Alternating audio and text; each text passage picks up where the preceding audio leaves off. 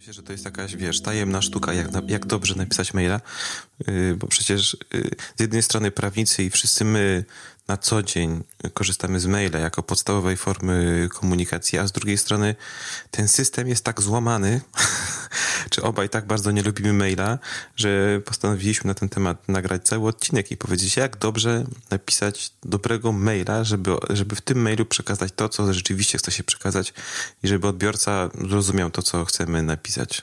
Poczekaj, Szymon, to może wrócimy tak. jeszcze raz. Ja skasuję ten początek i zaczniemy jeszcze raz i, i, i, zaczniemy od tego, że ja powiem, że ten odcinek jest sponsorowany przez nienawiść do e-maili. Dzisiejszy odcinek sponsoruje literka N, jak nienawiść do e-maili. Tak jest. No? Nie, ale to się zgadza, że jeśli chodzi o maile, to... Znaczy ja nie mam wrażenia, że tylko my ich nie lubimy, tylko mam wrażenie, że w ogóle y, coraz więcej ludzi na świecie ich nie lubi. Zresztą jak sobie przypomnisz jakiś jeden z naszych pierwszych, e, no, pierwszych odcinków, no to już tam żeśmy zahaczali o ten temat, że no, że e-maile to nie do końca jest ulubiona rzecz osób, które są produktywne, prawda? No, zdecydowanie. I zresztą jak się posłucha ludzi, którzy mówią o produktywności, czy to podcastów, czy wideo, czy poczyta się książki, które traktują produktywności, no to nigdzie autor się nie wypowiada y, w samych, nie wypowiada się pozytywnie o mailach. Zazwyczaj są to, zazwyczaj są to negatywne głosy, które skupiają się na tym, że jeden, w mailu nie ma niczego ważnego, zazwyczaj, zazwyczaj jest to tak, nie przyjdę na spotkanie, nie przyjdę na spotkanie, potwierdzam termin spotkania, bo nie potwierdzam terminu spotkania. Y, więc są to błahe wiadomości, które, y, no, no, których nie powinno się przekazywać w mailu. Jeżeli mail, no to już jakaś jeżeli mail to jest już coś konkretnego, coś dużego, y, a zazwyczaj to się nie dzieje w mailu. Więc y, taki argument, który ja często słyszę, słuchając ludzi zajmujących się produktywnością, jest taki, że w mailach, w treści maila 90 y, czy 80%, 80% maili to jest coś, co jest zbędne. To jest jak, może oczywiście, oczywiście nie spam, ale coś, co można ominąć albo przekazać w inny, szybszy, bardziej efektywny sposób ale z drugiej strony marketerzy uwielbiają e-maile. No bo e-mail marketing to jest ostatecznie cały czas jeden z lepszych y, kanałów komunikacji, słuchaj.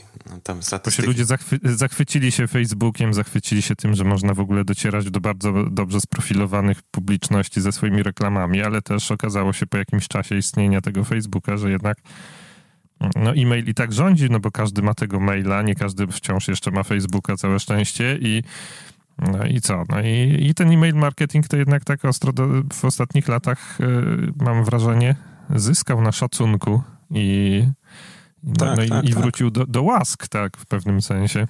Zobacz, każdy ma e-maila, ale tak jak powiedziałeś, nie każdy ma Facebooka, LinkedIna, no, czy jakąś inną społecznościówkę, w której sobie siedzi na maila zazwyczaj, nie no, musi mieć każdy chociażby po to, żeby zalogować do jakiegoś, do jakiejś społecznościówki. Można to, to, zrobić kontem spamerskim, oczywiście jakimś 10 minute mail, ale yy, zazwyczaj każdy ma maila, nie? I dobrze zbudowana baza mailingowa daje bardzo fajne statystyki i jest to cały czas jedno z lepszych, jedno z lepszych narzędzi yy, komunikatu czy kontaktu bezpośredniego y, z odbiorcami.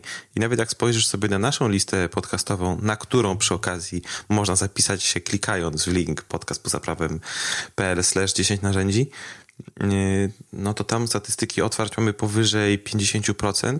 No już nie pamiętam z głowy, jakie mamy statystyki kliknięć, ale statystyki otwart 50% to jest bardzo fajna, bardzo mocna statystyka. Nie, ale to znaczy to ja, ja myślę, Szymon, że my mamy wyjątkowe szczęście, że te, te statystyki otwarć mamy 50%, bo to tak w dzisiejszym świecie to zazwyczaj jest raczej w okolicach 10 albo i poniżej 10.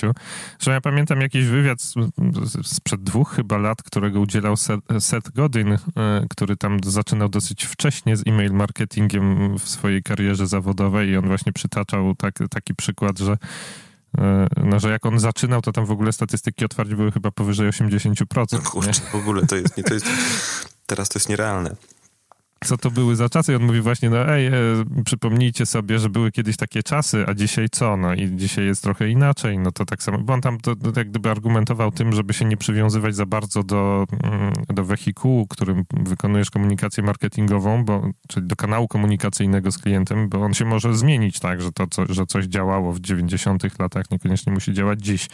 Tak, ale to tak, tak, tak duży tak. nawias, zamykam. E, no to powiedz mi, Szymon, e, bo jak już tak się mm, ze słuchaczami naszego podcastu podzieliłeś e, swoimi odczuciami odnośnie e-maila, to tak ja bym spróbował to skonkretyzować może trochę. To, co cię najbardziej denerwuje w e-mailu? Słuchaj, strasznie denerwuje mnie to, że on mnie wybija z pracy.